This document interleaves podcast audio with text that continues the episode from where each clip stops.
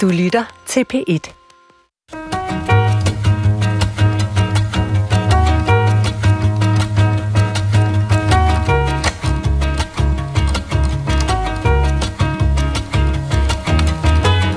Jeg havde gerne været en retssag for uden. Det skal vi også lige huske, at det er jo øh, Kasper Wirt, som har anklaget øh, FH og mig for plagiat. Øh, så det, det er forfærdeligt for begge parter, når man har sådan en konflikt. Ja, hvad siger man, når man står i en storm af skidt og knap kan vise sig i supermarkedet, før folk spytter i ens indkøbskur? Christian Bits prøver at krisekommunikere, og de ord og det sprog, vi bruger, når alt går galt, er det, vi bliver kloge på i dag. For du er nemlig stillet ind på værkstedet på P1, hvor vi sådan med skalpel løfter lagene i sproget, penselstrøg for penselstrøg og undersøger, hvad der gemmer sig af hemmeligheder bag sprogets størknede lag af fernis. Og i dag så ser vi altså på krisekommunikation, hvad vi siger, når udviklinger spidser til. Og til det formål har vi samlet en praktiker, en teoretiker og en generel sprogekspert, og de er som følger. Lasse Laversen, du er med egne ord afhoppende kommunikationsrådgiver og lektor i krisekommunikation, så har du også været på podcasten Ugens Krise. Velkommen til dig, Lasse. Tak skal du have. Altså, jeg tror, der er mange, som sidder lige nu og, og kigger på radioens højtaler og spørger sig selv, altså, hvad er en afhoppende kommunikationsrådgiver for en størrelse? Jamen, det er jo sådan en, der ikke, ikke rigtig arbejder for de store virksomheder mere og yder, yder kan man sige, almindelig kommunikationsrådgivning. Og, og hvorfor gør du en pointe ud af, at du ikke vil gøre det ja, længere? Det er sådan for at vise, at jeg er fri af de interesser, som mange kommunikationsrådgivere ikke er fri af. Okay. Øh, så det, det er sådan en, en anden måde at sige på, at, øh, at der forhåbentlig er... Du er en fri agent? Ja, en fri agent ja, i, okay. øh, på, på kommentatormarkedet. Ikke? Ja, og, og fortæl os så, altså hvad er den mest vanvittige eller den mest udfordrende krise, som du har været involveret i som rådgiver? Altså med betoning på ordet vanvittig, så vil jeg sige, så var det dengang, at... Øh, jeg sådan i ramme alvor talte en enarmet mand, som var anklaget for svindel med nogle offentlige midler i Jylland, til at lade være at give Morten Spiegelhauer et par på kassen, altså den tidligere vært på Operation X. okay. øh, fordi det mente han i ramme alvor var, var en god idé. Så hvis han stillede op derude på hans gård med, med et kamera, så ville han altså give ham et par på kassen. Og jeg sagde, hvis han gør det, det, det skal du lade være med. Ikke? Det er simpelthen en dårlig kommunikationsteknisk idé at blive fanget på kamera af udøvende vold. Ja, det kan man sige, ikke? Okay, ja, så, så har man også ligesom lagt niveauet, at øh, hvis man rådgiver folk, som starter på det niveau, så, så er der lang vej op. Ja, så er rådgivningen også i den nemme afdeling, vil jeg sige. okay, min næste gæst er med fra vores studie i Aarhus, og har, som man måske kunne høre ganske svagt før, i, desværre i dagens anledning pådraget sig en lille forkølelse. Men vi er rigtig, rigtig glade for at have dig med, Vinnie Johansen, i studiet i Aarhus. Ja, I kan høre. Vinnie kvækker et, et, et, muligvis et tak. Ja, det bekræftede lige, at jeg, jeg døjer lidt med en tusse i halsen, ja, som øv, det så smukt øv for den. Vinnie, ja. altså du ved jo godt selv i forvejen, men jeg skal lige fortælle lytterne, at du er professor i virksomhedsledelse og krisekommunikation ved Aarhus Universitet. Og det vil sige, at du rådgiver jo altså ikke om krisekommunikation, men du har sat dig ind i, og du har undersøgt mange krisekommunikationer. Altså hvad, hvad husker du selv som det værste eksempel på krisekommunikation, Vinnie? Ja, altså jeg, jeg vil sige, øh, det eksempel, som går igen i alle lærebøgerne, det er eksemplet fra British Petroleum, som havde en eksplosion i den meksikanske golf. Og det er jo et kæmpestort firma. 11 mennesker omkom, øh, og alligevel så gik CEO'en ud og beklagede sig, tænkte på sig selv og sagde, I want my life back.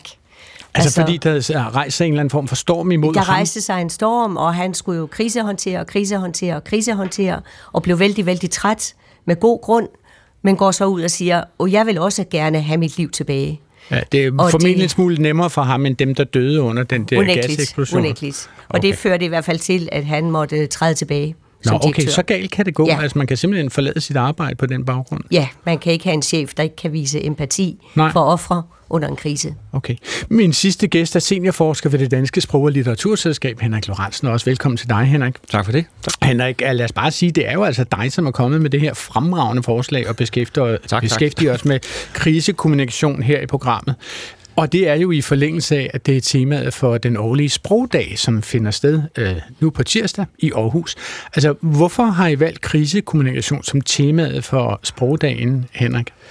Det gjorde vi, fordi øh, sidste år var vi jo alle sammen ramt af den her coronakrise, og det betød jo også, at der måtte vi udsætte sprogdagen fra foråret til om efteråret, og så lykkedes det os lige at holde sprogdag med et andet tema i det vindue, der var på det tidspunkt, og så tænkte vi, det er en god idé næste år at, at fokusere på krisekommunikation. Mm-hmm. Og så var der jo helt klart øh, en sundhedskrise med alt, hvad der er fulgte, og så har der også været kriser i politiske partier og andre steder, hvor man har haft besvær med at forklare sexchikane-sager, øh, sexisme-sager. Øh, så, så der, der er simpelthen masser af kriser at tage fat i? Der er masser at tage fat i, og de kommer også op på sprogdagen her på, på tirsdag. Okay. Mit navn er Adrian Hughes. Hvis du hører enten mit navn eller denne stemme, så er der en til vidshed grænsende sikkerhed for, at du har stillet ind på Klog på Sprog. Altså, lad os lige starte med at kridte banen op omkring selve ordet krise, Henrik Lorentzen. Nu hørte vi jo lige, at der er krise her i radioavisen, før vi gik på i det grønlandske regeringssamarbejde, og at Musi B. Ede er sådan lidt i tvivl om, hvad hun skal, han skal stille op med sin udenrigsminister. Krise, selve ordet krise. Øh, hvad er krise? Hvad er en krise? Ja, vi skal tilbage til, øh, til det gamle græske sprog, oldgræsk, for at finde ud af, hvad det oprindeligt var. Øh, for der betyder det en afgørelse, en dom eller en bedømmelse. Det er noget af det, vi genfinder i ord som kritik og kritisk, hvor man giver en bedømmelse af noget, afgør noget. Men så har det så øh, flyttet sig til på dansk og andre sprog at være det vendepunktet i en sygdom. En sygdoms, øh, det afgørende tidspunkt, hvor man skal finde ud af, om, om det går frem eller tilbage. Overlever. Det er højdepunktet, eller senigt i en sygdom. Ja, det, man, det, det, det, det bliver klart, om patienten overlever eller ej, for eksempel. Ikke? Mm-hmm. Men det har så flyttet sig yderligere. Sådan kan man nok stadigvæk bruge det inden for, for sundhedsvæsenet. Men i dag er det jo så kommet til at betyde nemlig ikke et vendepunkt, men en situation, en tilstand, noget der var længere tid, hvor, hvor noget går dårligt på en eller anden vis. Og det er jo så det, vi har øh, masser af eksempler på. Oliekriser, valutakriser, regeringskriser. Okay. Altså, øh, Vine Johansen, øh, før vi bruger os ned i sådan konkrete formuleringer og sætninger, som vi jo altså ved den søde grød gør senere i programmet, lad os også lige få overblik over, altså hvordan har du i din forskning systematiseret, hvilke forskellige slags kriser, der findes i den her sammenhæng? Hvad, hvad taler vi om for nogle typer af kriser? Ja, der er især, vi opererer især med tre typer af kriser. Nemlig den første gruppe, som vi kalder for offerkriser, altså hvor man uforvarende bliver blandet ind i en krise, men hvor man ikke selv har haft ansvar. Og man kan jo sige, at coronakrisen for mange virksomheder er en offerkrise. Mm-hmm. Øh, så er der uheld, altså hvor man for eksempel oplever en brand på en fabrik, eller et IT-system, der bryder ned. Øh, det sker pludseligt, og det er et, et uheld. Man har selvfølgelig ansvar for det som organisation eller som, som person, men øh, det var ikke noget, man, man gjorde bevidst. Hmm. Og den tredje type kriser, det er så til gengæld de forsætlige, altså de overlagte, øh, skandalerne, hvor man har begået noget ulovligt eller noget moralsk forkert, øh, og hvor man selv har taget ansvar for det, eller rettere, hvor man selv har skabt krisen og selv er skyld i det. Altså hvis man for eksempel har beordret nogle mennesker til at lave et indbrud i et uh, kontorhus, ja. hvor man har stjålet sine politiske modstanderes ja. øh, valglister eller sådan noget den stil, som det for eksempel var tilfældet i Watergate i 72 eller 73 ja. eller hvornår det var, ikke? Lige præcis, og det, og det betyder jo, at når der er så forskellige typer af kriser, skal det også håndteres forskelligt mm-hmm. i mhm. forhold til kommunikationen. Og, og, og, og så har jeg også hørt, at, der, at du har noget, du kalder en dobbeltkrise. Hvad er det? Ja, en, jamen en dobbeltkrise, øh, det var egentlig det, der fik mig i gang med min forskning i sin tid. Det er det, at når vi har en krise, altså en begivenhed, en situation, som, som er ubehagelig, øh, den skal håndteres. Men hvis vi ikke er gode til at håndtere den, altså hvis vi går ud og kommer med en løgn, eller siger noget forkert, går til angreb på nogen, øh, så bliver det måske snarere løgnen, der bliver fokus på. Øh, og det kalder jeg for en dobbeltkrise. Okay. Et øh. rigtig godt eksempel, det er Bill Clinton og Monika Lewinsky-affæren. Øh, det var ikke så meget affæren til sidst, der blev problematikken, men mere det, kan man som præsident lyve for en befolkning. Ja, okay. Så the mess is in the makeup, øh, sagde man på amerikansk. Det er simpelthen den måde, man taler om det. Har vi andre eksempler på sådan nogle dobbeltkriser, Lasse Laursen? Altså, hvor, hvor det er selve håndteringen af det efterfølgende, som går fuldstændig skud og mudder? Hvis vi skal være helt aktuelle, så synes jeg faktisk, at Christian Bitz-sagen er ved at udvikle sig lidt til det. Okay. Øhm, hvis, det, det bureau, der hedder Christiansen og Ulvemand, øh, som laver kommunikationen for Christian Bits og for, øh, og for FH, som er den her grossist, der står bag det her stil. Øh, de ruller jo det helt store skøts ud nu. Okay, øh, lad, lad os lige så, få, få styr på, hvad den uh, situation handler om. Vi har bragt jo et lille bitte klip af det op i indledningen. Altså, uh, Christian Bits, han er jo altså før den her kopigate sådan, mest kendt fra at være kostkonsulent på TV2 Danmarks uh, uh, morgenfjernsyn. Uh, og han har jo så sammen med produktionsvirksomheden FHAS øh, lavet et stel, og han er blevet dømt hele to gange for at kopiere keramikeren Kasper Wirts håndlavede luksusstel til Noma og til andre restauranter. Altså Bits blev dømt første gang i Søger Handelsretten, og så ankede han og FH AS, fordi øh, de ikke syntes, at den dom øh, passede, eller passede dem. Og landsretten har så stadfæstet dommen tidligere i år, blandt andet med baggrund i nogle e-mails til de kinesiske producenter, hvor der er blevet skrevet noget i retning af, øh, lav lige noget billigt, som ligner det her, og så har de vedlagt et billede af Wirts keramik. Og, og ikke desto mindre, så har Christian Bitz og FH jo altså ansøgt om at få den her tags, øh, sag taget videre til højesteret, fordi de ikke fordi de mener, at sagen er principiel. Altså deres argumentation går i retning af, at, at ingen kan ligesom have patent på at opfinde den dybe tallerken eller noget i den retning. Og på den baggrund så har der jo været den her meget offentlige øh, vredes tilkendegivelse mod Christian Bits og også mod Imerco, som sælger hans kopierede stil. Og her er, hvordan Christian Bits forsvarede sig for nyligt i God Aften Live på øh, TV2. Øh, jeg er hverken designer eller, eller ved, hvordan man producerer øh, keramik. Øh, jeg kom med en idé om at lave øh, noget stel, som skulle være med til at gøre danskerne sundere ved at spise på mindre spiseflader. Hvordan det er blevet produceret, øh, det kan i bagklogskab øh, se, øh, hvad jeg har ansvaret for. Øh, er det sådan noget, du fortryder? Ah, jamen, om der er noget, jeg fortryder, det øh, bruger jeg generelt ikke så meget tid på. Jeg havde gerne været en retssag for uden. Det skal vi også lige huske, at det er jo øh, øh, Kasper Wirtz, som har, som har anklaget øh, FH og mig for plagiat. Øh, så, så det er jo ikke noget, jeg har bedt om, eller noget, som, som jeg øh, synes er øh, overhovedet noget, jeg har lyst til at deltage i. Det, det er jo redselsfuldt. Det er det også for Kasper, det, det forstår jeg udmærket, og det, det er forfærdeligt for begge parter, når man har sådan en konflikt, som ja, i sidste ende, synes jeg, skal løses ved, at man sætter sig og kigger på de her øh, fire produkter i tre farver, som det drejer sig om. Altså Lars Laursen, lad os, for, for, lad os lige tage øh, sådan lidt bid for bid det, han siger her. Altså for det første siger Christian Bits, at han ikke er designer, men at det stel, der er fremkommet, kommer fra en idé, han har fået. Man må ligesom underforstå, at det må være en original idé, han har fået, om at lave mindre tallerkener, så folk spiste mindre. Der er et kostråd i det. Altså, er det en formulering, som er egnet til at få seerne over på sin side, Lasse? Ja, den tror jeg egentlig, jeg har svært ved at vurdere. Jeg tror bare, at det korte svar er nok nej. Altså, det er det ikke, fordi det her, det handler jo det handler jo ikke om, øh, hvorvidt at, øh, at det handler om nogle lavere eller større, øh, mindre eller større spiseflader. Det handler jo om, om der er kopieret det her stel eller ej. Hmm. Og det er sådan set det eneste folk ligesom spørger sig om, det, er det eneste Christian Bits bør gå i tv om, det er, har du kopieret det stel, eller har du ikke kopieret det stel, og hvad er omstændighederne om det? Men, men, men og, undskyld, jeg siger det, Lasse, det kan han da umuligt tale sig ud af, fordi der foreligger e-mails, hvor FH mm. har sendt e-mails til kinesiske producenter, Dragonfly hedder firmaet, eller mm. noget i den retning, hvor de siger, vi forestiller os, at I skal lave noget i den her stil, og så vedlægger de billeder af mm.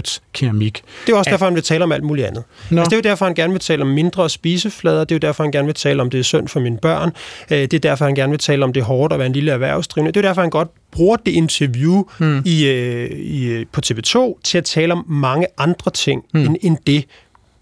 Okay. Øh, Vinnie Johansen, altså Christian Bitz, siger jo også, at, at der ikke ville være nogen sag, hvis ikke Kasper Wirtz havde anklaget ham og FHAS for at kopiere. Og altså kopieret, det har de jo, øh, for det har vi to retsinstansers øh, ord for, at de har gjort. Altså, hvordan virker det at sige, at sagen er ham uvelkommen, fordi han ikke har taget initiativ til sagen, Vinnie? Ja, det virker jo som om, han forsøger delvis at skyde skylden på modparten i det her tilfælde. Ka- Kasper Wirtz. Ja, ja. Altså, kan, altså, øh, og, og i forhold til, øh, til det, I lige snakkede om omkring sundhedseksperten, ja, så er det det, vi inden for kriseforskning kalder for, han forsøger at betone, at han havde good intentions, altså han havde gode hensigter. Okay. At han egentlig ønskede at gøre noget for helbredet hos danskerne, øh, men det er det, der nu er blevet misforstået. Hvad siger du til, til det, Henrik Lorentzen? Jo, jeg kender ikke sagen så godt, men jeg har bidt mærke i, at øh, det virker som om, der er en form for ansvarsfraskrivelse, også fra hans side, hvor han siger, jeg er ikke designer. Øh, og så er det som om, han lægger det over på de her FH, som han øh, i en anden tekst øh, har, siger, at de har ansvaret for udvikling og produktion. Men han er vel også stærkt involveret i det. Mm. Så det, det virker på mig en lille smule letkøbt at sige sådan. Men altså får man sympati for Christian Bits, når han siger, prøv lige at høre, den her sag er rent faktisk hård for begge parter. Jeg ved, den er hård for Kasper Wirtz, fordi han har fået sit øh, livsværk ødelagt, men den er altså også hård for mig. Altså, hvordan virker det, Lasse Laversen? Altså, jeg tror ikke, han vinder nogle nye øh, inden. Altså, hvis man nu ser på sagen som om, at den ligesom er afgjort, og der er to grupper, der er nogen, der er med ham, og der er nogen, der er imod ham, så i det interview, der vinder han ikke nogen over midten, skulle jeg til at sige. Altså, dem, der kunne lide ham før, de kan nok stadig godt lide ham efter det interview.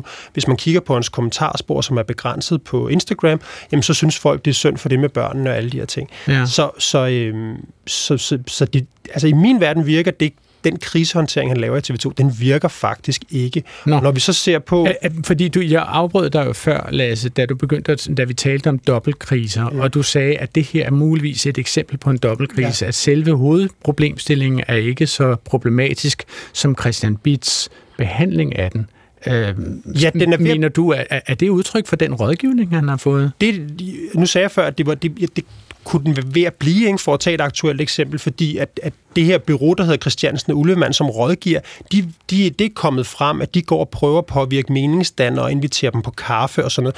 Og, og det narrativ, der skal slås ned her af FH og Christian Bits, det er, er I nogen, der tryner små øh, keramikere?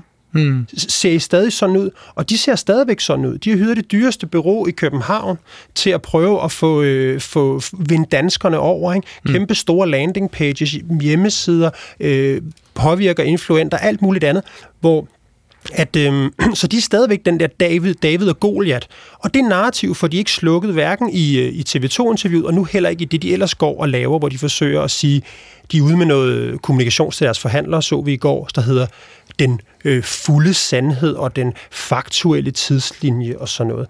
Og det vil sige, nu begynder, øh, tror jeg i hvert fald dem, der... Altså nu holder de sådan set gryden i kog for det der med at være sådan nogle... Øh, et, et meget... Øh, et, et, et, et, et firma som FH, der tjener styrtende med penge, der sætter produktionen til Kina og sådan noget, som har penge nok til at føre den her retssag helt til højeste ret. Det er en mange millioner kroner dyr retssag, og, og samtidig hyrde det dyreste kommunikationsbureau i København til at varetage deres interesser. Nu, nu, nu, nu, nu, begynder, nu, nu sætter de en streg under det her David og Goliath, og det er et kæmpe problem for det, der gør, at Christian Bits ikke kan sidde troværdigt og sidde og sige, det er også synd for mig. Altså, øh, han har jo ud over sin optræden i TV2, har Christian Bitsch jo også lagt en tekst ud på Instagram, som hedder sådan her. Jeg har lagt navn til et sted, og pludselig er jeg lagt for had i hele Danmark. Jeg tør nærmest ikke gå ud og samtidig gør det ondt på ens familie og på ens sjæl. En retssag er udmattende på alle måder, og det fjerner fokus fra familie, venner og forretning, og det er kun blevet værre af, at jeg, senest, at jeg de seneste to uger har modtaget hundredvis af trusler og svinske beskeder, og at folk også truer min kæreste og mine børn. Det er meget voldsomt. Vinnie Johansen, hvad tænker du om det her som krisehåndtering? Jamen altså, jeg, jeg synes problemet er jo lidt, at øhm, de er blevet dømt i den her sag, og det vil sige, at der er i hvert fald et, en retsinstans, som siger, at der to er... To retsinstanser? Ja, to retsinstanser, som siger, at der er betragtelig lighed med stillet. Øh, så normalt vil man forvente, at man var imødekommende og gik ud og gav en undskyldning og genoprettede sagen, og så ville sagen jo strengt taget relativt hurtigt være ude af verden. Ja, fordi altså de det skal bare destruere stillet, og så skal ja. de øh, bare holde op ja. med at sælge det, kan man sige. Det skal Imerco jo også gøre. Ja, og, og jeg mener, hvis man er et selskab, der ikke har haft riser i lakken før, ja, så koster det ikke så forfærdeligt meget. Men her vælger man i stedet at sige, jamen vi er uskyldige, det er ikke i orden, det er vi blevet dømt for, vi prøver at bringe sagen videre. Og det vil sige, at man, man befinder sig i den meget defensive del af, af krisekommunikationsspektret. Hmm. Øh, og, okay. og, og det forsøger man jo så med en lang række strategier sideløbende med, at man benægter, at man har et problem, så at, at reducere kritikken. Men og, altså, og sagen, går jo, sagen ja. går jo under alle omstændigheder videre til højesteret, så må vi se, hvor, altså, hvis, ja. hvis de får øh, bevilling til at få den behandlet ved højesteret, det er ikke sikkert, og i mellemtiden skal jeg bare udsende en advarsel. Altså, den blå avis tillader ikke, at man sælger kopivarer, og derfor tillader den blå avis ikke, at man sælger sit bitstel i den blå avis. Og hvis man gør det gentagende gange under andre navne, så bliver man blokeret som, ja. øh, øh, som bruger af den blå avis. Fordi øh, nu går jeg videre til den næste krise, og vi talte jo tidligere om de forskellige politiske kriser. Mange partier har haft forskellige kriser. Hvis man tager sådan en som Nasser Carter, så kan man sige, at han har haft det, man må kalde et ret langt år. I april i år så fortalte Berlingske, at Carter vanemæssigt kontakter politiske modstandere, chefer og arbejdsgiver for at presse opponenterne til at stikke pipen ind, i hvert fald hvis de kritiserer ham eller er politiske modstandere. Berlingske skrev Berlingske. Berlingske har, har talt med i alt otte personer, der her beretter om direkte eller indirekte trusler fra Nasser Carter. Trusler, de har oplevet som intimiderende og udtryk for uhørt magtudøvelse fra et folketingsmedlem. Et par dage efter den her artikels offentliggørelse meldte Nasser Carter sig syg med stress. Og senere på året, mens han var sygemeldt, offentliggjorde DR så en artikel, hvor fem kvinder fortalte enslydende historier om at være blevet krænket i seksuelle sammenhænge af Nasser Carter. I august i år meldte Nasser Carter sig så genopstået fra sit stresssygeleje på Facebook, hvor han poserede med en selfie i bar overkrop i et bjergterræn. Under billedet skrev han, I'm back, rask og i god form. Jeg er ikke perfekt, men jeg elsker Danmark og er klar til kamp. Altså, Vinnie Johansen, lad os begynde med selve billedet. Hvad siger Carter, når han melder sin ankomst med et billede af sig selv i bare overkrop? Ja, altså, øh, han forsøger jo uden tvivl at fortælle os, at han er i god form igen, ovenpå en sygemelding, øh, og som vi kan se, han har det godt, solskin øh, og bare overkrop. Men, øh, For, det ja. er sådan set meget godt, at vi vil godt i gang så. Ja, vi vil godt i gang, men, men det han glemmer her, det er jo, at han øh, er anklaget for at have krænket kvinder, og, og lægge sådan et billede ud, som kan give andre associationer, altså, hvor, som får ham, som får os som, øh, som kigger til at, at, at associere øh, ja, seksuelle undertoner, øh, det er ret uheldigt. Og, okay. og reaktionerne var der også derefter. Henrik Lorentzen? Ja, øh, jeg er helt enig, øh, men jeg synes så også det, at han poserer, og, og der bliver sagt noget på engelsk, I'm back. Altså på, på mig minder det lidt om, om filmskuespiller, sådan noget mm. Rambo-agtigt noget. Mm. Der mangler bare et, mas- et maskingevær over skulderen. Det er jo altså Terminator famously, Jamen, som siger replikken, no. I'm back. Okay. Øh, det er Arnold Schwarzenegger i rollen som Terminator. Fint. Men jeg tænkte også på The Empire Strikes Back. Og sådan, ja, okay. altså det, der er mange, der kan strike back. Ja, men det er der nemlig. Og det er jo så det, det han signalerer her ved at fremtræde på den måde. Og så bruger han jo også engelsk, og der er jo også noget med, at engelsk kan vi bruge på dansk til særlige pågående budskaber, og det er jo netop det her, ikke? også i mange reklamer. Så, så det tror jeg, han tænker, det virker. Så der er et meget bevidst sprogligt valg, tror du, Henrik, i at øh, starte det her med det engelske udsagn, I'm back? Det tror jeg helt bestemt. Okay. Han har nogle bestemte associationer frem. Ja. Hvad så med resten? Altså frisk og i god form. Jeg er ikke perfekt, men jeg elsker Danmark og er klar til kamp. Hvordan virker det på dig, Lasse Larsen? Jamen, det virker jo som en understregning af det, han, øh, han jo mest af alt er, nemlig en værdikriger. Og øh, værdikrigeren, han er skudt tilbage fra sit, øh, sit sygeleje, og han er klar, klar til kamp med, hvad end der måtte ramme ham af islamistiske mørkemænd og øh, sexanklager fra kvinder og alt muligt andet. Ikke? Han er klar til at tage det hele. Ikke?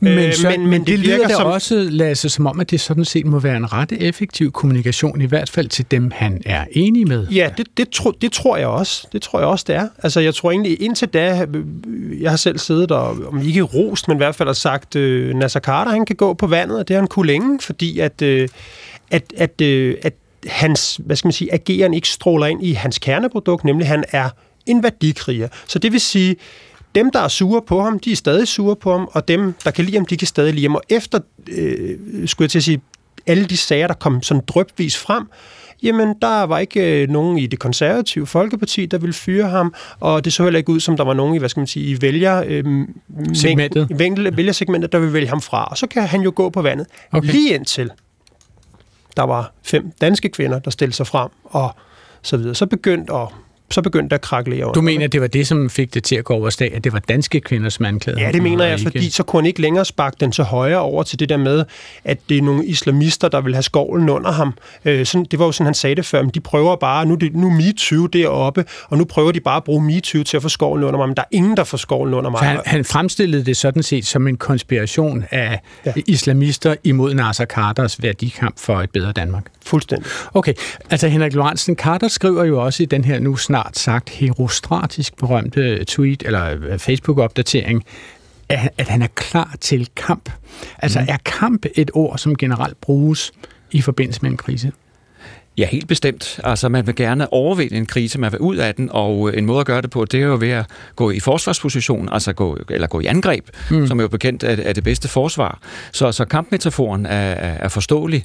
Og så er det ovenikøbet for Danmark, og det er jo så i tråd med hans nationalkonservative værdier, øh, altså øh, de konservative folkeparti, som han på det tidspunkt stadigvæk var medlem af, øh, det er jo noget med Gud, konge og fædreland, så det mm. taler helt ind i, i, i det narrativ, han vil have frem der at, man, at, at, at det er de danske værdier, som jeg også siger med værdikrig, han, altså, han kan. På den måde kan man sige, at den tekst er faktisk meget godt skrevet, hvis man har Nasser Carters udsyn og altså Jamen, politiske projekt. Jeg tror, det er rigtigt, øh, som du siger, Lasse, at, at det taler lige til hans, hans, kerne, hans kernepublikum, okay. mens andre bliver naturligvis frastødt. Og omvendt måske, vil jeg kalde indskyde omvendt, øh, ligesom Vinnie siger, så, så gør det også dem, der er sure på ham, endnu mere vred. Okay. Helt altså efter Nasser Carters I'm Back Facebook-opslag, så medvirkede han i Søren Liperts talkshow Libert på TV2 News, og altså på det tidspunkt havde det konservative Folkeparti fået lavet en advokatundersøgelse, som i alt væsentligt understøttede DR's afsløringer, og partiets øh, formand Søren Pape Poulsen drog den konklusion, som Henrik Lorentzen også var inde på her, at Nasser Carter ikke længere kunne være en del af partiet, det konservative Folkeparti.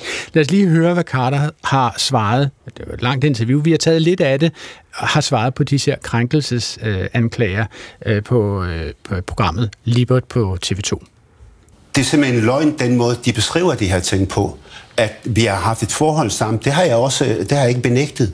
Men den måde, det bliver beskrevet på, jeg mener, at det er farvet, at der er gået mange år, og der er blod øh, små tyk på. Men, men, år, igen, men igen, men igen, skulle jeg have krænket nogen, så undskylder jeg. Altså, jeg har ikke problemer med at undskylde for noget, jeg har gjort forkert. Men det er svært at undskylde for noget, jeg er overbevist om, jeg ikke har gjort forkert. Men, Men jeg, er jo ikke, jeg er jo ikke sådan, altså jeg har været single i en del år, og har været sammen med øh, en del. Og, øh, og jeg tror, øh, mange af dem vil skrive under på, at sådan er jeg ikke. Og nogle af dem vil ikke. Og man kan sige, nu siger du de her kvinder, der er gået mange år. Ja, det kan også være dig, Nasser Carter, der har glemt, hvad det var for kvinder, du efterlod, da du gik ud af døren.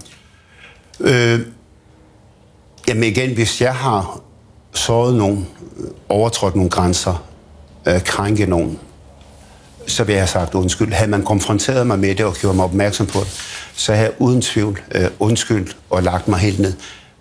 Jeg har ikke problemer med at sige undskyld. Men jamen, jeg vil da ikke sige undskyld for noget, jeg ikke har gjort. Så det store spørgsmål er her, Lasse Laversen, siger Nasser Carter undskyld, eller gør han det ikke? Ja, det er et godt spørgsmål. Nå, tak for det. altså, jeg var også meget forvirret efter, jeg, jeg så det interview, fordi der er så mange øh, sådan falske præmisser, og man siger undskyld for noget, men ikke alligevel. Og sådan. Jeg tror, hvis man, hvis man oversatte det der til en, en, en, en parforholdskonflikt, eller et eller andet, hvor man ligesom siger, nu, nu vil jeg godt sige undskyld, så tror jeg ikke, den person, der fik undskyldningen, vil føle sig særlig i Hørt eller set. Ja, ja. hørt eller set, vel? Ja, okay. Fordi at, øh, at det stikker i alle retninger. Ikke? Altså at sige, jeg vil gerne have lov til at sige undskyld, men jeg ved faktisk ikke helt, hvad jeg siger undskyld for, men det er klart, hvis der er nogen, der synes, at jeg bør sige undskyld, så vil jeg da godt gøre det, men i øvrigt har jeg ikke gjort noget. Altså, det virker altså, meget... Så det er ikke en undskyldning? Det synes jeg ikke, det er. Nej, okay. Vinnie Johansen, ja. Øh, hvad siger du? Har Nasser Carter undskyldt øh, for sine gerninger? Jeg synes, det er et interessant fænomen, som vi faktisk ser rigtig ofte anvendt, specielt globalt. Øh, og, og det er, at man siger ikke undskyldning. Man siger ikke undskyld for at have gjort noget forkert, men man siger undskyld, hvis nogen føler sig såret af en handling, man har begået. Øh, når jeg siger, at, at det er noget, vi ser ofte, så har vi set det i forbindelse med tegningekrisen, øh, at man skal ud og sige undskyld for Jyllandspostens 12 tegninger af Mohammed, øh, men man kan ikke sige undskyldning for noget, man ikke har opfatter som forkert i ens egen kultur, inden for ens egne normer. I stedet kan man gå ud og undskylde, hvis man har såret nogen ved at gøre, som man har gjort.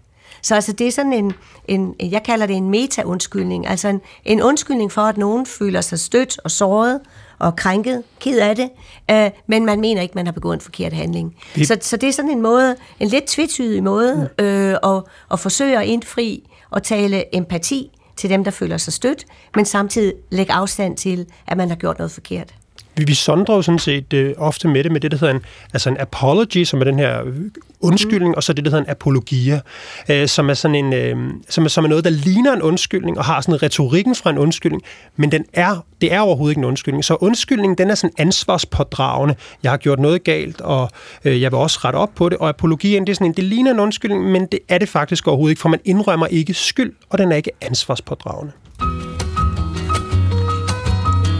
Du lytter til Klog på Sprog, hvor vi i dag kigger på, hvordan man kommunikerer om en krise. Hvad siger man, og hvad siger man ikke? Jeg har besøg af Lasse Laversen, afhoppende kommunikationsrådgiver og lektor i krisekommunikation ved CBS og vært på podcasten Ugens Krise. Og jeg har besøg af Henrik Lorentzen, seniorforsker ved det Danske Sprog- og Litteraturselskab. Og med os i studiet i Aarhus sidder Vini Johansen, professor i virksomhedsledelse og krisekommunikation ved Aarhus Universitet.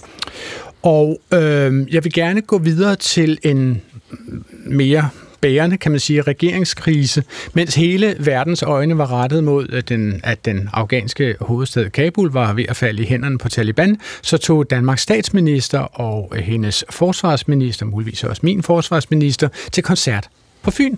Trine Bramsen øh, skrev på sin Facebook den 13. august, det er så vidt jeg husker en fredag, Folkeklubben og patina i den fynske landsby. Endelig kan vi gå til koncert igen. Og Mette Frederiksen skrev på sin Facebook samme dag, skøn aften her i Odense med god musik og festlig stemning. Patina og Folkeklubben spiller for. Det er virkelig dejligt igen at være samlet til koncert. Det har vi manglet, og jeg har savnet det. Vi har så utrolig mange dygtige danske kunstnere herhjemme. Håber I alle får mulighed for at nyde dem her hen over sommeren. Altså, det er jo en relativt øh, uheldig udmelding, at de går til koncert samtidig med, at vi på fjernsynet ser, at øh, der er kaotiske tilstande i Kabul. Øhm, Lasse Laversen, hvis du nu øh, kort øjeblik gik tilbage og blev kommunikationsrådgiver i stedet for at være afhoppende, altså, hvordan skulle de have handlet på det her uheldige øh, sammenfald, Lasse?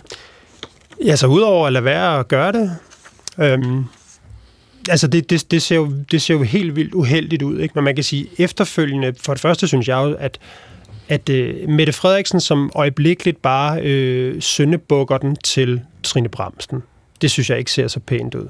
Altså, der er ikke altså, nogen... hvordan gør hun det? Det må du lige forklare Jamen, det er jo hende, der ender med at skulle tage hele skylden for den der koncert, og alt det der, der er jo fokus er jo væk fra Mette Frederiksen. Ja, okay.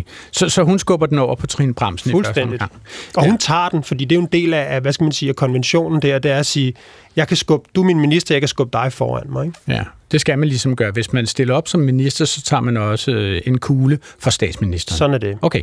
Altså, nu vækker det jo ret stor harme inden for forsvars- og sikkerhedspolitiske kredse, at Trine Bramsen så øh, fester og, og ser på sæler i det sydfynske øhav, samtidig med Kabul Falt.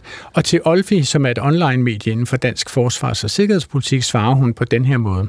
Havde jeg på forhånd kendt til situationen søndag aften, havde jeg selv sagt ikke deltaget i hverken koncerten fredag eller besøgt hjemmeværende søndag morgen. Hastigheden i udviklingen er kommet bag på alle. Jeg kan bekræfte, at jeg har deltaget i alle møder og beslutninger hen over weekenden og ugerne op til. Altså, øh, Henrik Lorentzen, hvordan vil du betegne det her som en krisekommunikation?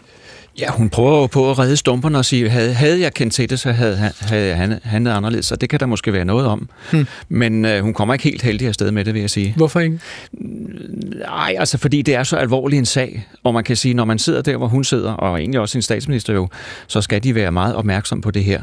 Men, men det bliver jo blandet sammen med, at de også har andre budskaber. De, de tager jo til, det, til de her koncerter, øh, fordi de vil signalere ny optimisme oven på det her halvandet år, hvor, hvor landet har været nedlukket. Hmm. Så er de så bare så uheldige, kan man sige, at, ja. at, at samtidig er en, en meget, meget en verdenskrise i gang, som de så ikke får taget fat i ja. i tide.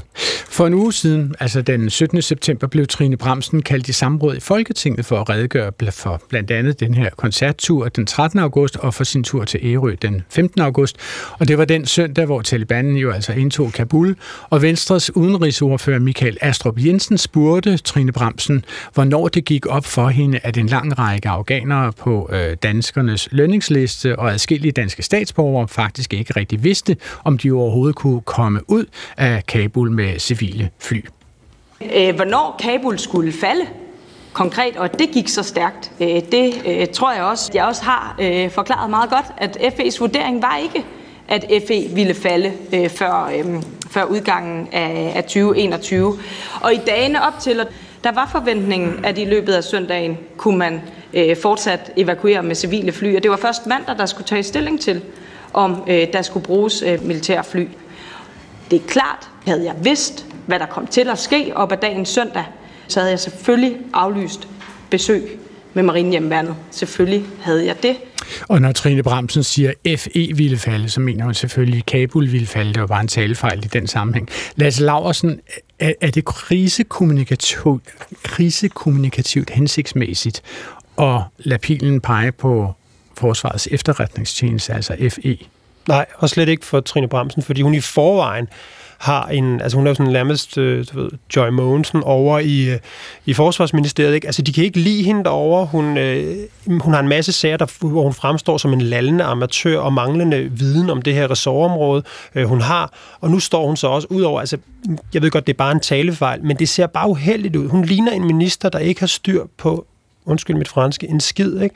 Og hun ligner også en, der står fuldstændig alene og har hele, hele hvad skal man sige, sit, ja, sit ressortområde imod sig faktisk. Okay. Så når hun begynder, når hun begynder at, at, at søndebukke til dem og sige, det er faktisk dem, der ikke har lavet deres arbejde ordentligt, jamen så begår hun jo en brøler, fordi hun, hun, det er forventet, at hun tager ansvaret for alt og siger, der er kun mig at pege på. Og udover historien, hun så har, så har hun altså ikke nok i banken til overhovedet at lave en scapegoating-strategi, for det skal man have. Vinnie Johansen, har du noget bud? Det er sådan lidt hårdt at sætte dig på stolen her, men har du noget bud på, hvad, hvad Trine Bremsen kunne have sagt, som kunne have fungeret lidt bedre? Ja, hun skal i hvert fald lade være med, som det allerede er blevet påpeget, og, og flytte skyld over på andre. Hun, hun tager jo ansvar, øh, og det synes jeg for så vidt, at hun gør godt nok. Men hun havde ikke behøvet at, at bringe andre på banen. Det er jo hende, der træffer det valg at tage afsted til koncert, øh, og derfor skal hun også stå på mål for det. Fordi, ja ja, det var ligesom en Oscar-uddeling. Lige pludselig begyndte de at spille nede i orkestergraven, og så var den pointe til slut. Det må du undskylde. Det er helt okay. Uh, altså, fordi jeg vil gerne videre til mm. et andet eksempel. Altså, uh, i 2018 så røg tøjkæden Hennes og Moritz i møllen efter at have valgt nogle ret uheldige ord i en reklame for en hættetrøje. På en grøn hættetrøje står der Coolest Monkey in the Jungle, og børnemodellen, som uh, altså den dreng, som poserer iført hættetrøjen på billedet, er sort. billede, billedet af den lille sorte dreng affødte anklager om racisme, hvilket resulterede i, at hendes og Moritz fjernede billedet. Øh, en talsperson fra hendes og Moritz sagde til det britiske medie Evening Standard, dette billede er nu fjernet fra alle hendes og Moritz kanaler, og vi undskylder over for enhver, som det må have stødt. Vinnie Johansen, altså hvis du nu skal give den her undskyldning en karakter, hvilken karakter vil det så være? Ja, det ville være en, en, en, en karakter, der ligger under middel. Okay. Øhm, og, og, og det gør det, fordi altså, de giver en undskyldning, men de giver en undskyldning til dem, der måtte have behov for en undskyldning. Og dermed så siger de faktisk, at vi er ikke enige i den her undskyldning, men der sidder nogen derude, der synes, vi skal sige undskyld. Øh, og det affødte der også en storm af reaktioner. Folk var ikke tilfredse med den her undskyldning, fordi det er faktisk svært at give en undskyldning, som virker. Så øh, men, men har, du, Maurits, har, ja? du, øh, har du eksempler på, at der er folk, som har givet undskyldninger, som virker? Altså, hvor man rent faktisk hører deres undskyldning og accepterer deres undskyldning, som disse mennesker fortryder nok, hvad de har gjort, og de gør det ikke igen. Ja, altså, øh, for at du kan give en god undskyldning, så skal den være oprigtigt.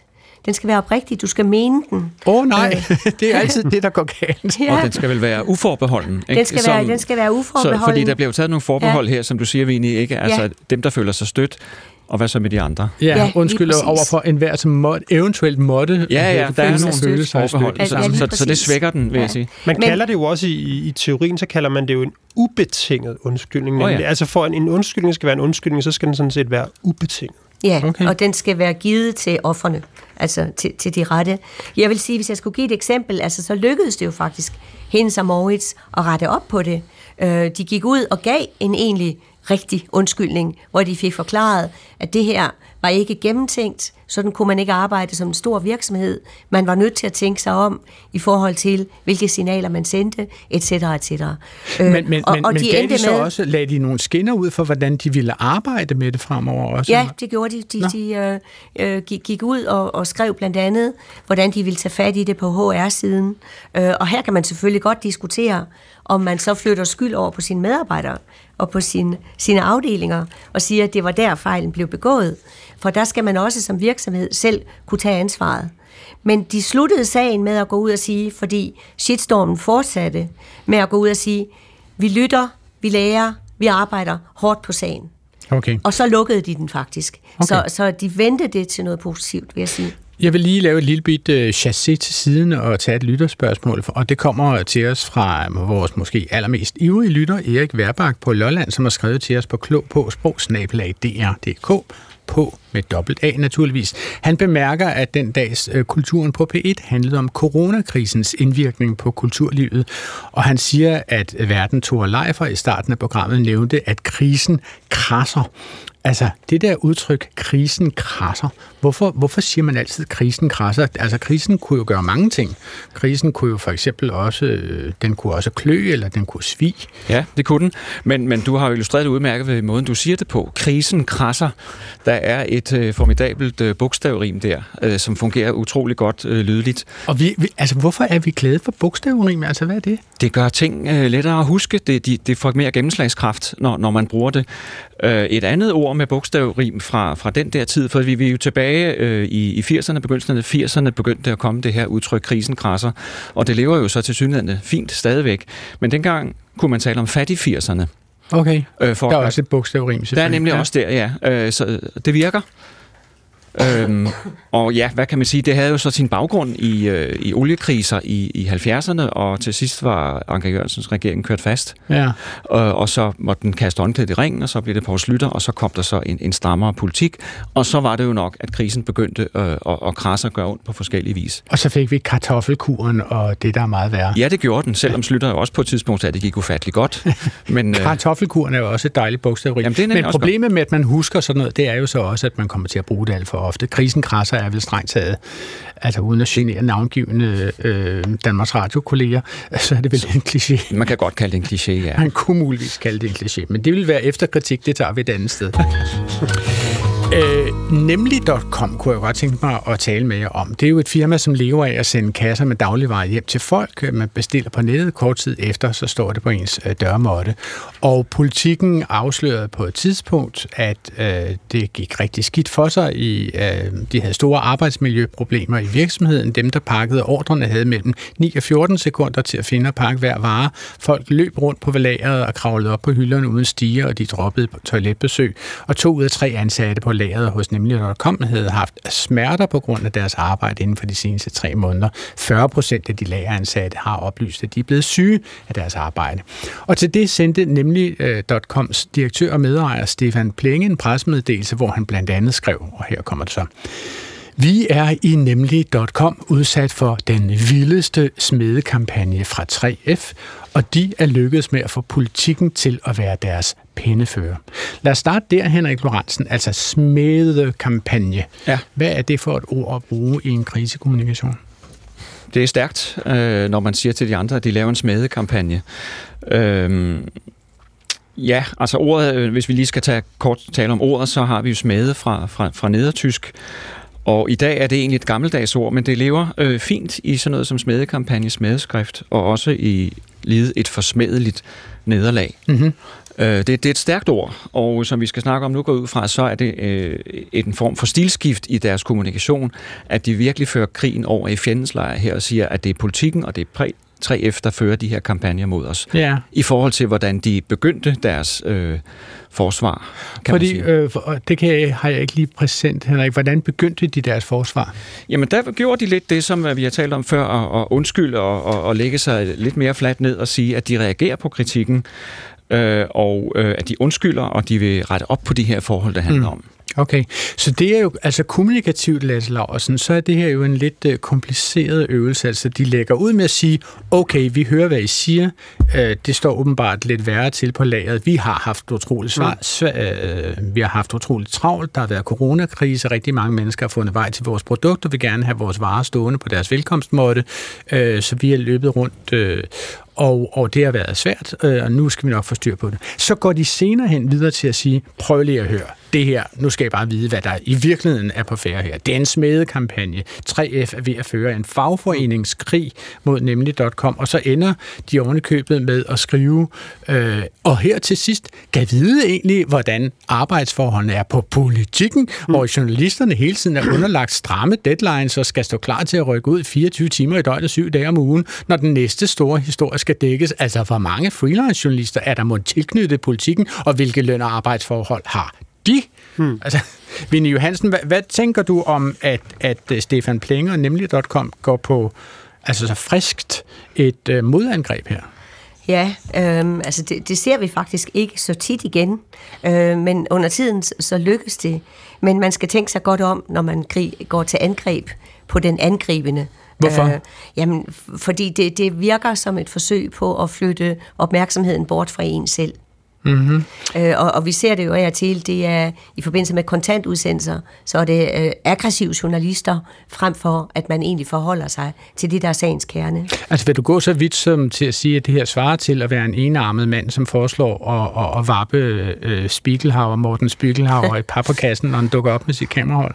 Ah, det er måske så lige lidt vel overdrevet, men det er ja. helt klart et forsøg på at sætte ind og på at flytte øh, krigen over i fjendens lejr, som det blev sagt tidligere. Men kan det lykkes? Altså, øh, jeg kan da huske, da jeg læste Stefan Plenges svar her, så tænkte jeg, okay, nu, nu, nu er politikken ligesom sat på mm. øh, taburetten. Nu, har, nu skal de svare for... Altså, jeg ved jo fra mine kolleger, hvor ufattelig få penge politikken giver for en teateranmeldelse eller en boganmeldelse. Det er jo rystende.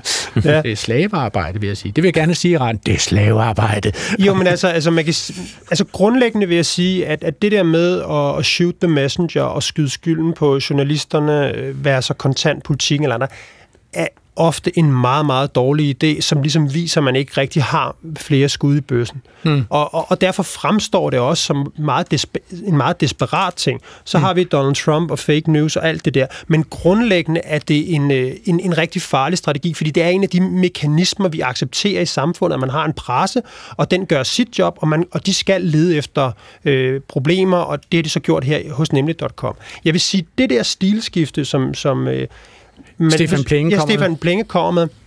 Ofte, når, når jeg kigger på kriser, så kigger jeg efter, hvor, når kommunikationen bliver dum, særligt fra sådan store virksomheder, som er formodet af mandsopdækket og rådgiver og alt muligt andet, så er det fordi, det begynder at blive dyrt. Og det her, det er dyrt for nemlig.com. Hvis de siger for meget undskyld og accepterer anklagerne for mange, så er det ikke nogen forretning, for deres forretning er stadigvæk, at de har nogle chauffører, som skal være billige. Ellers så hænger forretningsmodellen ikke sammen. Og derfor har de sadlet om til nu at lave sådan en lobbystrategi, hvor de er i gang med at prøve at sige arbejdsforhold i Danmark og alt muligt andet. Ikke? Så de er nødt til det, ellers overlever forretningen ikke. Henrik? Ja, jeg vil blot tilføje, at, at faktisk allerede i det, det første, den første pressemeddelelse, der prøvede de nu også at, at fraskrive sig ansvaret lidt ved at sige, at det er de selvstændige vognmænd, som de har hyret ind til at lave arbejdet for sig, som, som ikke lever op til, øh, til, til de øh, regler, som vi har i Danmark. Ja. Så der er det allerede lidt på glat is, men, men, men de siger dog, at vi vil gøre noget ved det. Ja. Men så, så kommer så den, det her altså, man kan hvor, sige, hvor de skyder budbringerne. Og... De, har, de har jo sådan set haft mange forskellige strategier i det her. I første omgang har de jo, som du meget rigtigt siger, Henrik, henvist til, at det er jo ikke vores chauffør, det er vores leverandørers chauffør. Ja, ja, så er det ikke vores problem. Så er det ikke vores problem. Og det næste, de så siger i den pressemeddelelse, jeg lige læste lidt op fra før, alt dette handler om, at 3F ønsker hele distributionsområdet dækket med en overenskomst, hvor man for eksempel ikke må arbejde om søndagen eller ansætte deltidsmedarbejdere. 3F's lager- og transportoverenskomst er fra en tid, hvor butikkerne havde åbent mandag til fredag fra 10 til 18 og lørdag fra 8 til 14. Andre overenskomster i Danmark har forstået vigtigheden af at følge med tiden.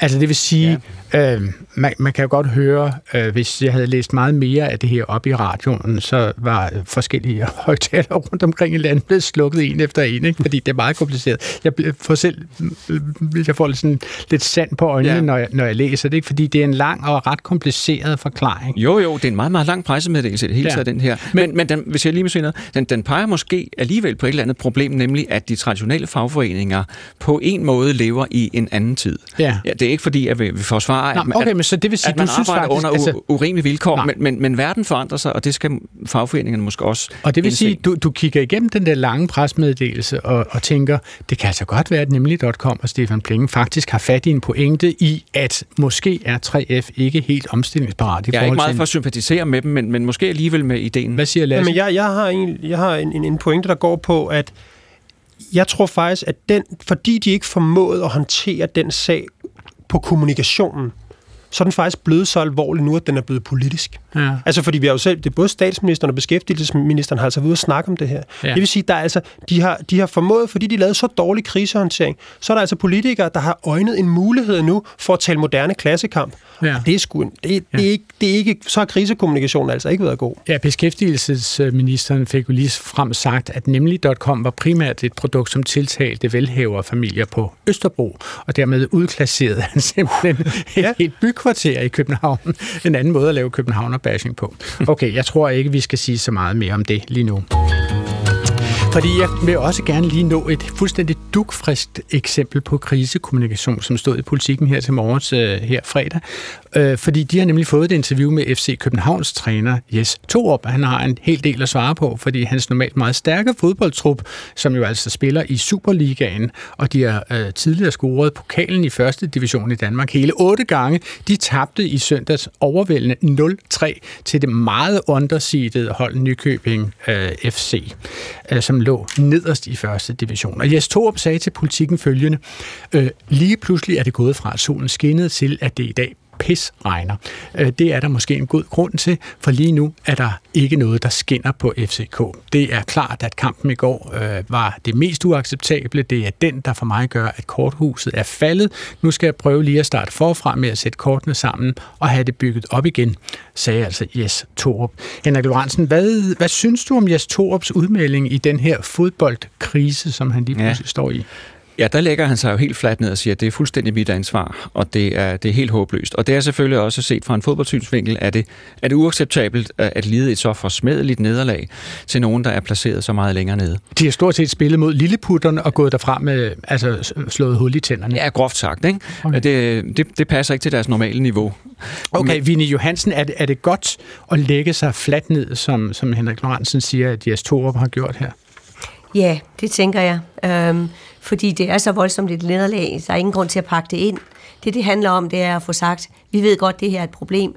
Hvad vil vi gøre for at rette op på det? Fordi det er man mange gange lige så interesseret i. Og det får han jo faktisk sagt. Ja.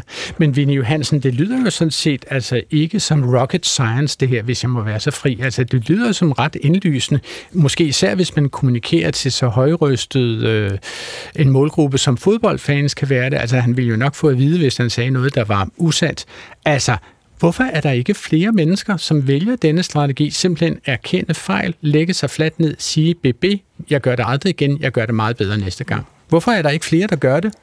Altså, rent faktisk viser forskningen, at vi har en psykologisk mekanisme, som siger, øh, vi skubber alt det negative fra os. Så øh, for eksempel så vi for år tilbage Per Stig Møller, som blev anklaget for, øh, eller som blev øh, peget på, at han har haft en spritdom i sin ungdom, gå ud og sige, nej, det har jeg aldrig haft. På trods af, at enhver kunne jo gå ind og tjekke, at der lå en sprit.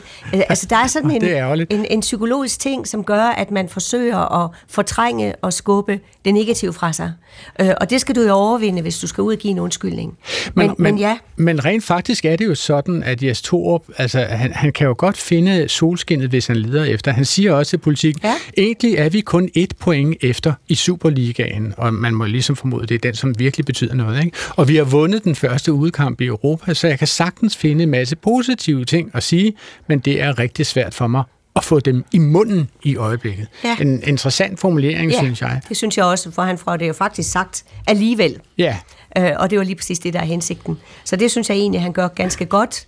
Øh, samtidig med, at han viser, at han står på mål for den kritik og den skuffelse, Ja. øh, fansene har oplevet. som er meget reel.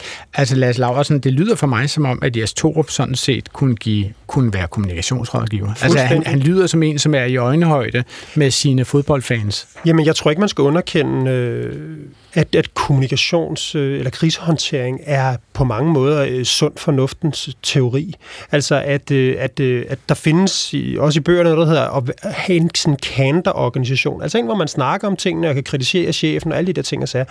Og så behøver man ikke alle de der bortforklaringer og alt det der andet, som meget ofte af kriser og krisekommunikation, det er sådan set også en sum af, at man ikke taler åbent og ærligt om, øh, om tingene i en organisation, og så mm. kommer kriserne stille og roligt. Så vil jeg supplere Vinnie med det der med, som den point, jeg også havde før, altså det der med, der er nogle psykologiske ting i det der med at lægge sig fladt ned, men der er altså også den der ting, at for virksomheder, der kan det være hammerne dyrt at lægge sig fladt ned. Prøv at forestille dig en eller anden medicinalvareproducent, som lægger sig fladt ned og siger, jamen det er rigtigt, vi har lavet et, et, dårligt, et dårligt præparat. Det er jo milliarderstatninger, mm. og det er ofte logik logikken øh, bag det der med, hvorfor ligger man sig ikke fladt ned, selvom det er det rigtige at gøre. Okay. Det er simpelthen dyrt. Altså den, som har sagt det smukkeste om den uh, fodboldkamp i søndags, det er jo altså Claus Meier, som er uh, medinvestor i FC Nykøbing, uh, hvor han siger, jamen altså, det var en glæde, som startede helt op i hovedet, og så uh, gled den ned igennem, igennem kroppen, forbi mellemkødet og bredte sig helt ud i tagerne. man må sige, nå Claus, der fik du lige ordet mellemkødet med ind i en jubelbemærkning flot øh, kommentar. ja, det, det, det hører man alligevel ikke hver dag. Altså, øh, Henrik Lorentzen, det er jo dig, som har foreslået, at vi skulle tale om krisekommunikation i dag, fordi det er på årets sprogdag øh, nu på øh, tirsdag. Ja. Hvad skal der, folk, enten skal de melde sig til, jeg går ud fra, at der er udsolgt til at være med i Aarhus på tirsdag. Ja, jeg er bange for, at være. Jeg er bange for, at der er udsolgt nu. Men man kan jo streame det. Øh, det kan man, man nemlig, og det er en, en ny ting, som vi har, har indført, og vi håber der på, at der, at der er mange, der vil, der vil gøre det. Ja. Og hvad skal der ske på der søndag? Skal ske det, på tirsdag? Der skal ske det, at der kommer nogle mennesker og taler om øh, krisekommunikation ud fra en coronasynsvinkel, for eksempel Søren Brostrøm. Som han er da en meget god ting, og han, en meget god herre han, han, til det. Han har prøvet øh, det ganske meget, og der bliver også talt om, om kriser i politiske partier og i virksomheder, som skal formidle vanskelige budskaber, og noget af det, vi har, har talt om her. Ja. Og så bliver årets sprogpriser også uddelt faktisk også en, en særpris i netop øh, kategorien krisekommunikation. Og årets sprogpriser, det er hvad? Det er bedste tekst og bedste sociale medier tekst. Ja. Øh, og bedste og... visuelle budskab. Okay. Og så der, hvor, hvor det er en tekst i kombination med noget billede. Okay, godt. Klog på sprog er færdig med realitetsforhandlingerne her til formiddag. Øh, vi har øh, set på, hvordan man med vekslen helt kan kommunikere om en krise. Jeg siger tak til mine gæster. Vinnie Johansen, øh, professor i virksomhedsledelse og krisekommunikation ved Aarhus Universitet, som skal på hovedet hjem i seng. Men tak fordi du var med, Vinnie, alligevel. Lasse Laursen var med her i studiet, afhoppende kommunikationsrådgiver, lektor i krisekommunikation ved CBS og vært på podcasten Ugens Krise. Og Henrik Lorentzen hørte vi her til sidst senior forsker ved det Danske Sprog- og Litteraturselskab. Programmet her er tilrettelagt af Anna Sonja Brun og Line Fabricius, som også stod for teknikken, og det hele blev præsenteret af mig, Adrian Hughes. Husk at sende spørgsmål og kommentarer på klog på sprogsnablag.dr.dk. Vi er tilbage i næste uge op til middagsradioavisen. På genhør. Gå på opdagelse i alle DR's podcast og radioprogrammer. I appen DR Lyd.